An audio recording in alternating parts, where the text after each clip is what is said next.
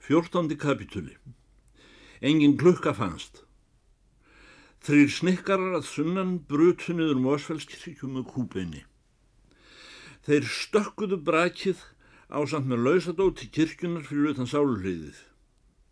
Þessu verki var lokið á dagstund millir miðmorguns og nóðans. Ungver formálar hafiðir þegar kirkja var tekinn frá vörnum sínum.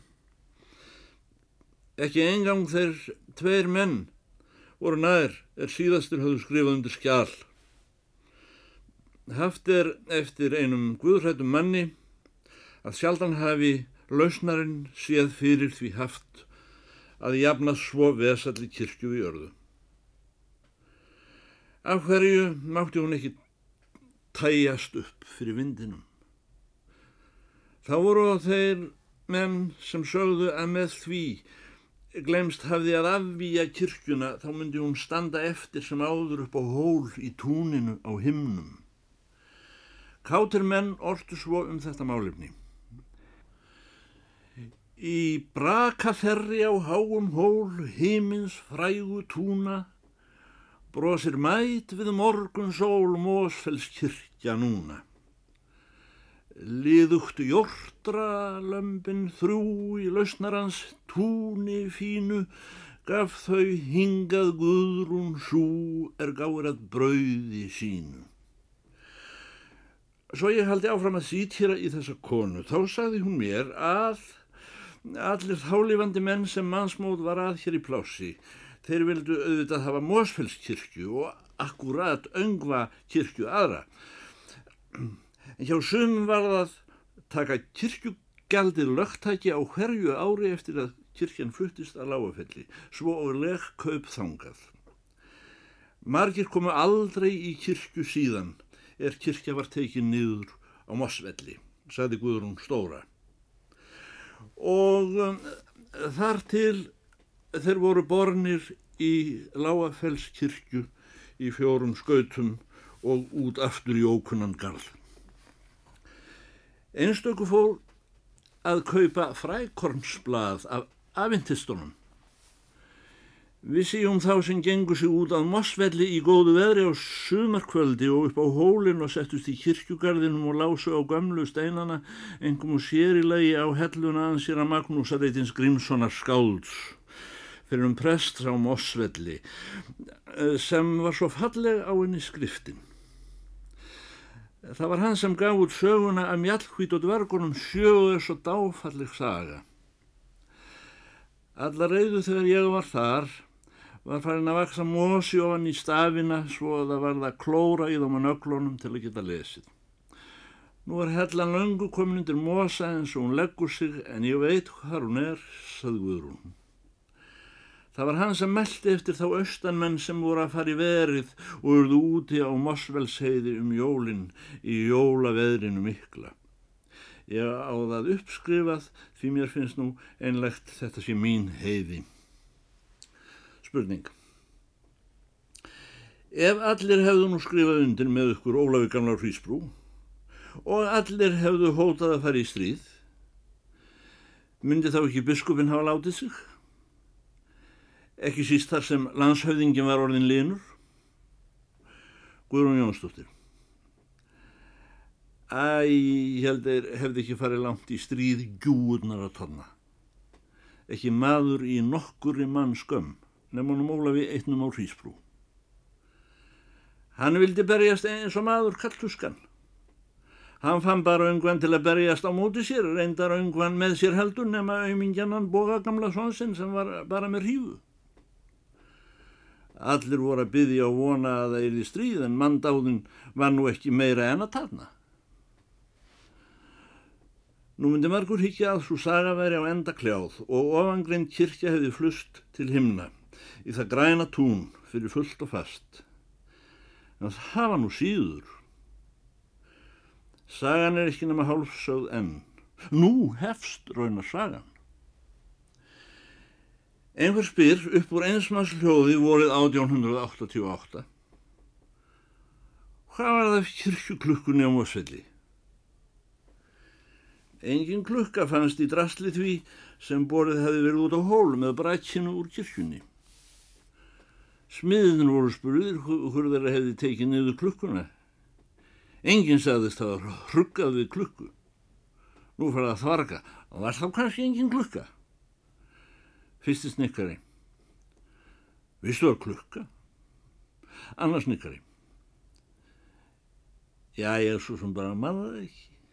Líklega hefur nú verið klukka. Ellegar barast að það var engin klukka. Þriði snikkari.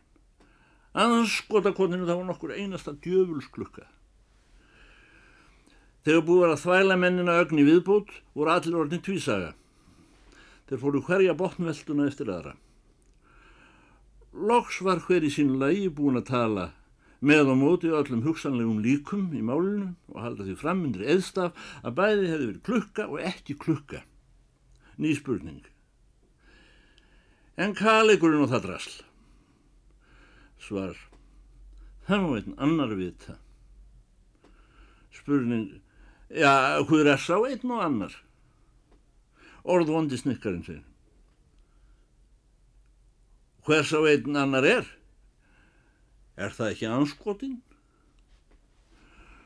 Tölum við svona ljótt í den tíð spyr sá sem var að tala við Guðrún Jónsdóttur. Guðrún Jónsdóttir. Sér svona hafa þessi kallmanns gerpi einlegt látið til að herða sig upp af því þetta eru ekki menn. Seinast komið fúr dúrnum að sér að Jóhann hafi vafið höklinum og rikkilíninu utanum alltarísbríkina, armstjakana og patínuna og sendt honum sér að þórarinum heitnum í görðunum böggulin. Hempunni held sér að Jóhann eftir af því hann átt hann sjálfur. Nú sendir þórarinn prófastur skilabóð um að kalleikurinn hef ekki verið því dóti sem var sendt honum. Hvar var kalleikurinn? Ólafur á Hrísbrú meldi svo að kolbinn kollafyrði þegar þessi mál bara góma. Það var svo svona rétt eftir þessum anskotum að stela inventarinu um Óselskirkju og endanum. En vel skil ég að hann sér að Jóhann Römmung eins og hann var, að hann skildi ekki leikja sig niður við að stela svoleiðis undir skál eins og patinni. Hvað sem Kalliknum leið, þá var það í almæli sveitinni að nóttina eftir að Mósfells kirkja var rifin hefði að Jóhann afhend Ólafi á Hrísbrú klukkuna úr kirkju þessari og ráðlagt hann að dangla í hana sér til afþreyingar þegar hann leittist. Ekki sel ég sögu þessa dýran ég kefti, en vel hefði sér að Jóhann geta látið aftur annað augað fyrir Guðsástarsækir í því máli, eins og fleirum. 15. kapitúli Lítilræði Yfirvald skárust aldrei með formlegum tiltektum í hvarf helgra dóma sem nú var ritað. Tókti vist ekki taka því að láta blása úr opimberi átt meira en hæfði á gasa sem gekk görðum herra í sveitinni.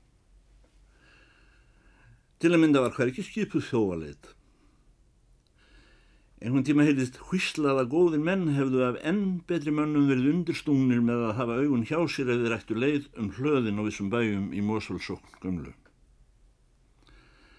Flestir dróðu vist bara annað auðað í pung og letu þar við sitja endi ekki að búast við að gildir menn síni sig þesslega snuðra eftir helgum dómum í landfórum nágrannans.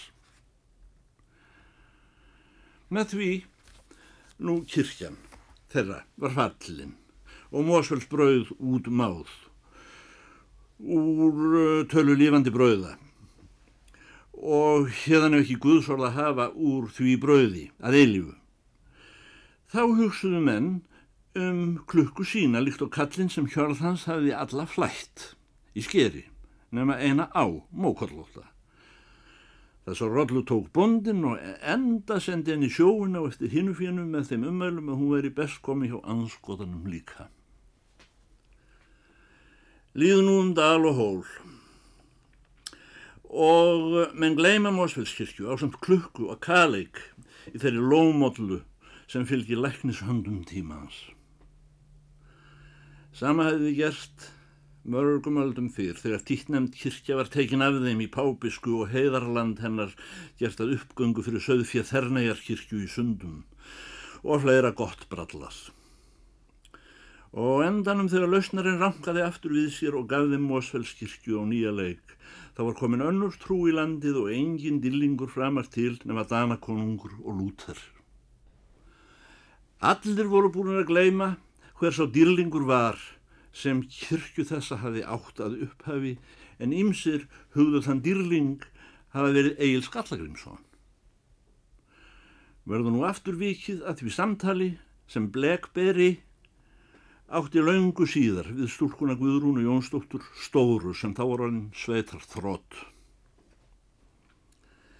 Já, hún fór oft á milli bæja og meira raskatinu hér fyrir meira. Hún átti heima í allri sveitinni.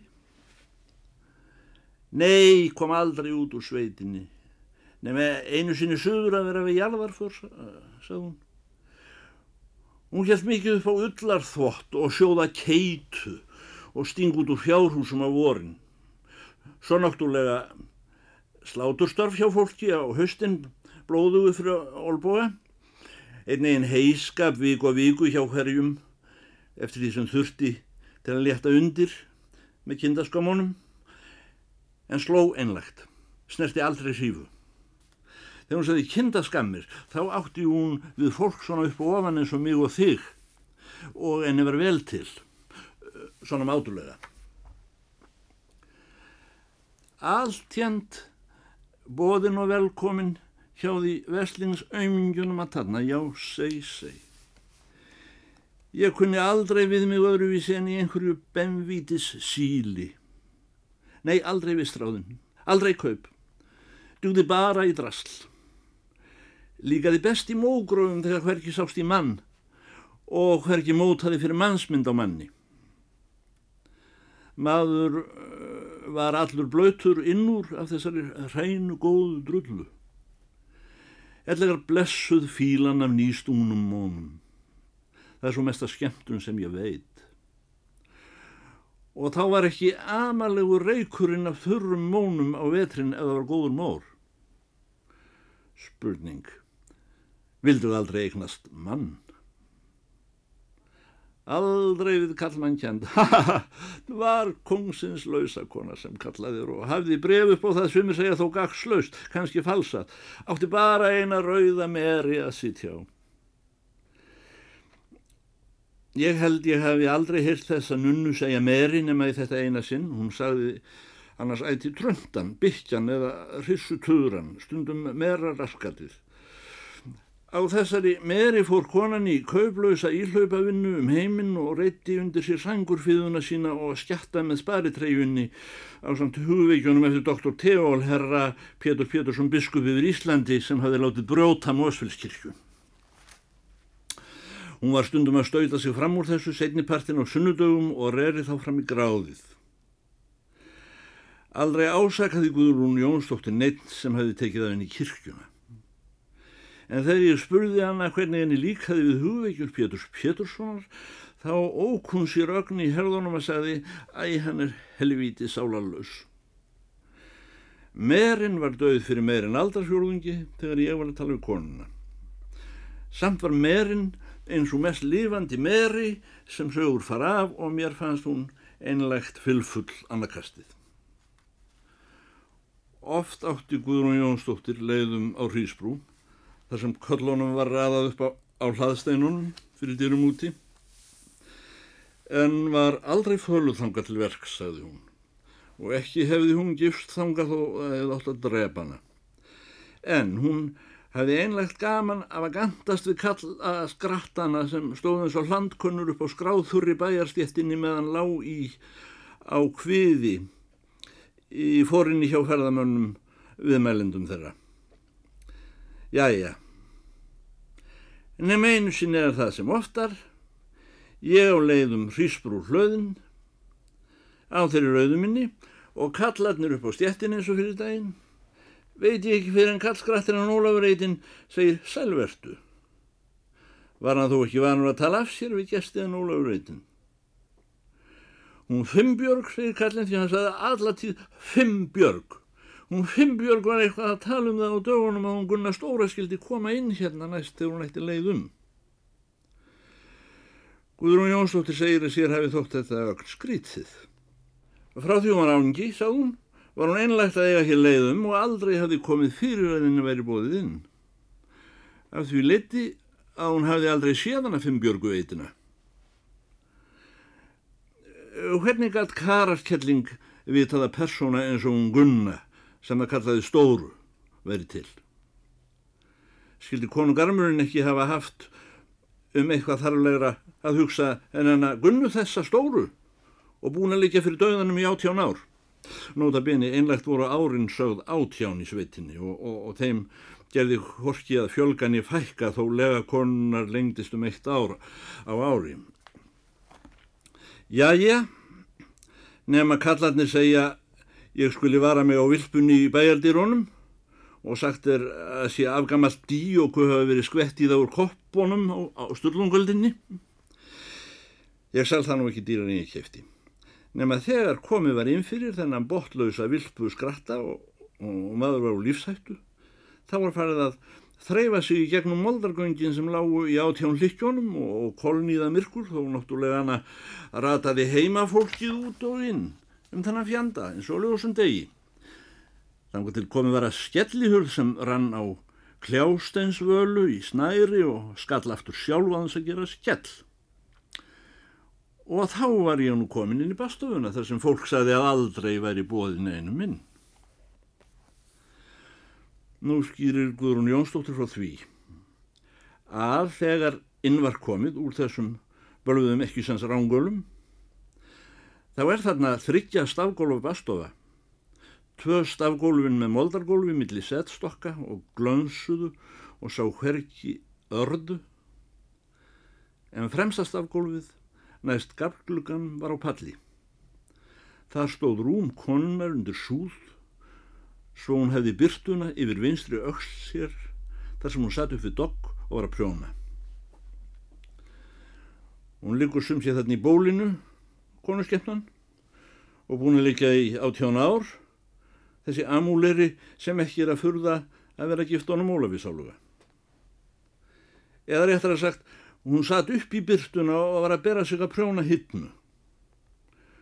Guðrún Jónsdóttir sagði hún hefði litið kunnulega til sín og lagt frá sér prjónana á silluna fyrir ofan sig og svo segir hún sér svona við mig og gæði látið það vera, blessu konan, kontur sælgunna mín og verstu velkomin. Hafðu sæl sagt það, segi ég. Það var eins og við værum alltaf vinkonur og höfðum ekki sérst í þenni fyrra.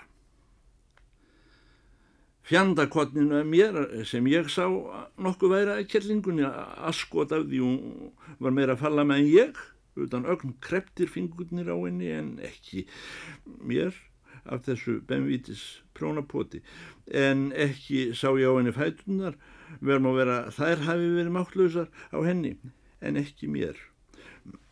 En fyrðu slett síndist mér hún á ángan og vera gift honum óla vittnum langtum yngri en kalls grattarnir sinnir hennar. Hún var svo sem ekkit upprýfið við fólk konu kindin, ekkit flas á henni en hún var þægilega auðmingis á hann merk í tali. Kannski eitthvað komið fyrir hann einhvern tíma og byrjaði að svíja núna. Það var eins og verið að koma til huldukonu. Og svo kallar hún á Gunsu doktor sína sem ætlaði að fara að gifta sig suður með sjó og segir við hana farðu hljótt og ná í kaffi vatn því þetta var um miðastanskaffið og svo kemur Gunsa með ekta rjómakaffi maður Guðs í rósóttum bolla allaðeinu og hjá huldu fólki. Sjálf fór hún honni í kofforti fyrir fram að sig og náði sikrið og þar var nú ekki verið að frambera gróthart steinsigrið, heldur ekta með lís eins og hann sér að Jóhann fekk á sunnudögum. Það er ekki svo oft sem hnífurinn minn kemur í feitt og þó var nú þetta ekki nema byrjunin því svo komu glóðheitar glomsuflennurnar þykkar og matarmiklar og svo dísætar að þeir migu í munni. Já, þar var nú ekki beina keksið maður skildi ekki halda maður verið í Mosfellsvitinni. Mér duttu helst í hug útilögum manna bæirnir góðu í ódóðarhraunni sem það var að segja manni af þegar maður var krekki. Segja nú sér svona við konuna. svei mér sem þú ert ekki bara orðin nokkuð brött. Það tósast, segir konan.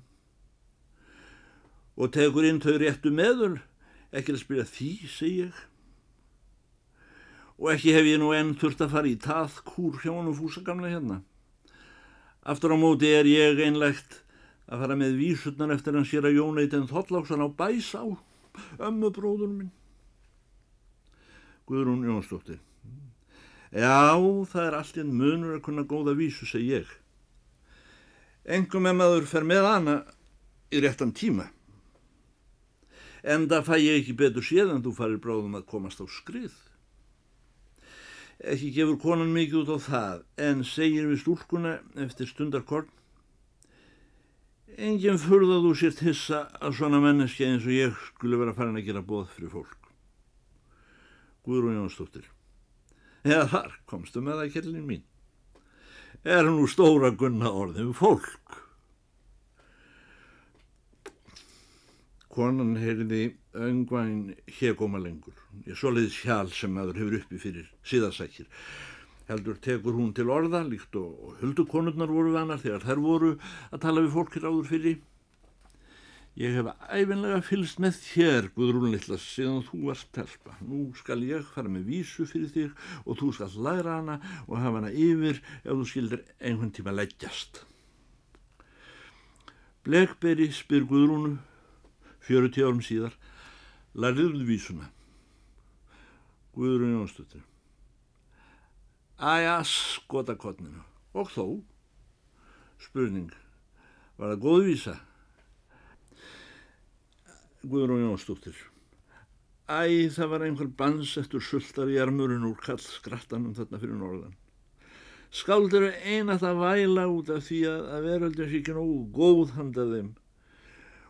Og það helgast af því þeir fari ekki mókrafir vonandi fer maður að skilja ljóðmeili þegar maður er lagstur í kör. En vísurnar verða þá að vera daldi gladlegar eins og til að mynda vísan hans Gröndalsum kallin í spónsgerði. Nú heldur hrísbrúarkonan áfram að hvísla eins og huldurkonur og voru vanar og segir svo við stúlkuna. Ég hef heyrt sé óhætt að trúa þér fyrir smámunum. Lítið hefur nú reynd á það, segist Guðrún Jónsdóttir hafa sagt, en hún lækkaði aldrei rómin sjálf þó aðrir hvísluðu en helt sinni förstu hæð. Finnbjörg heldur áfram að hvísla. Ég er einlegt að vona og byggja að ég fái að fara að fara. Þetta er farið að dragast nokkuð lengi þykir mér. Það er ekki lengur hald í mér. Ég er lengur hægt að kannast við sjálfa mig. Lítið var, lokið er. En ég geimi hérna lítilræði. Nú verð konan að róta í bósinu til höfða sér og finnur það loksins eitthvað fjölmúlavíl og en nýtt innan í skauta úr svörtu gljásilki. Eh, það var þetta voðfelda silki sem tekur sig jafnóðum og það er kruklað og komið skipunum hér fyrir mér og ekki neitt humbúk og snuðir í eins og það sem er að flytjast núna og dregur nú ekki döffingruð konan upp kaleikinn úr Mosvells kirkju og hana nú. Þegar Guðrún Jónsdóttir var að því spurtu hvort hún væri vissum að þetta hefði verið sá rétti kaleikur og hvort það hefði ekki eins geta verið vittlaus kaleikur þá vissi hún alla hvert hún átt að komast.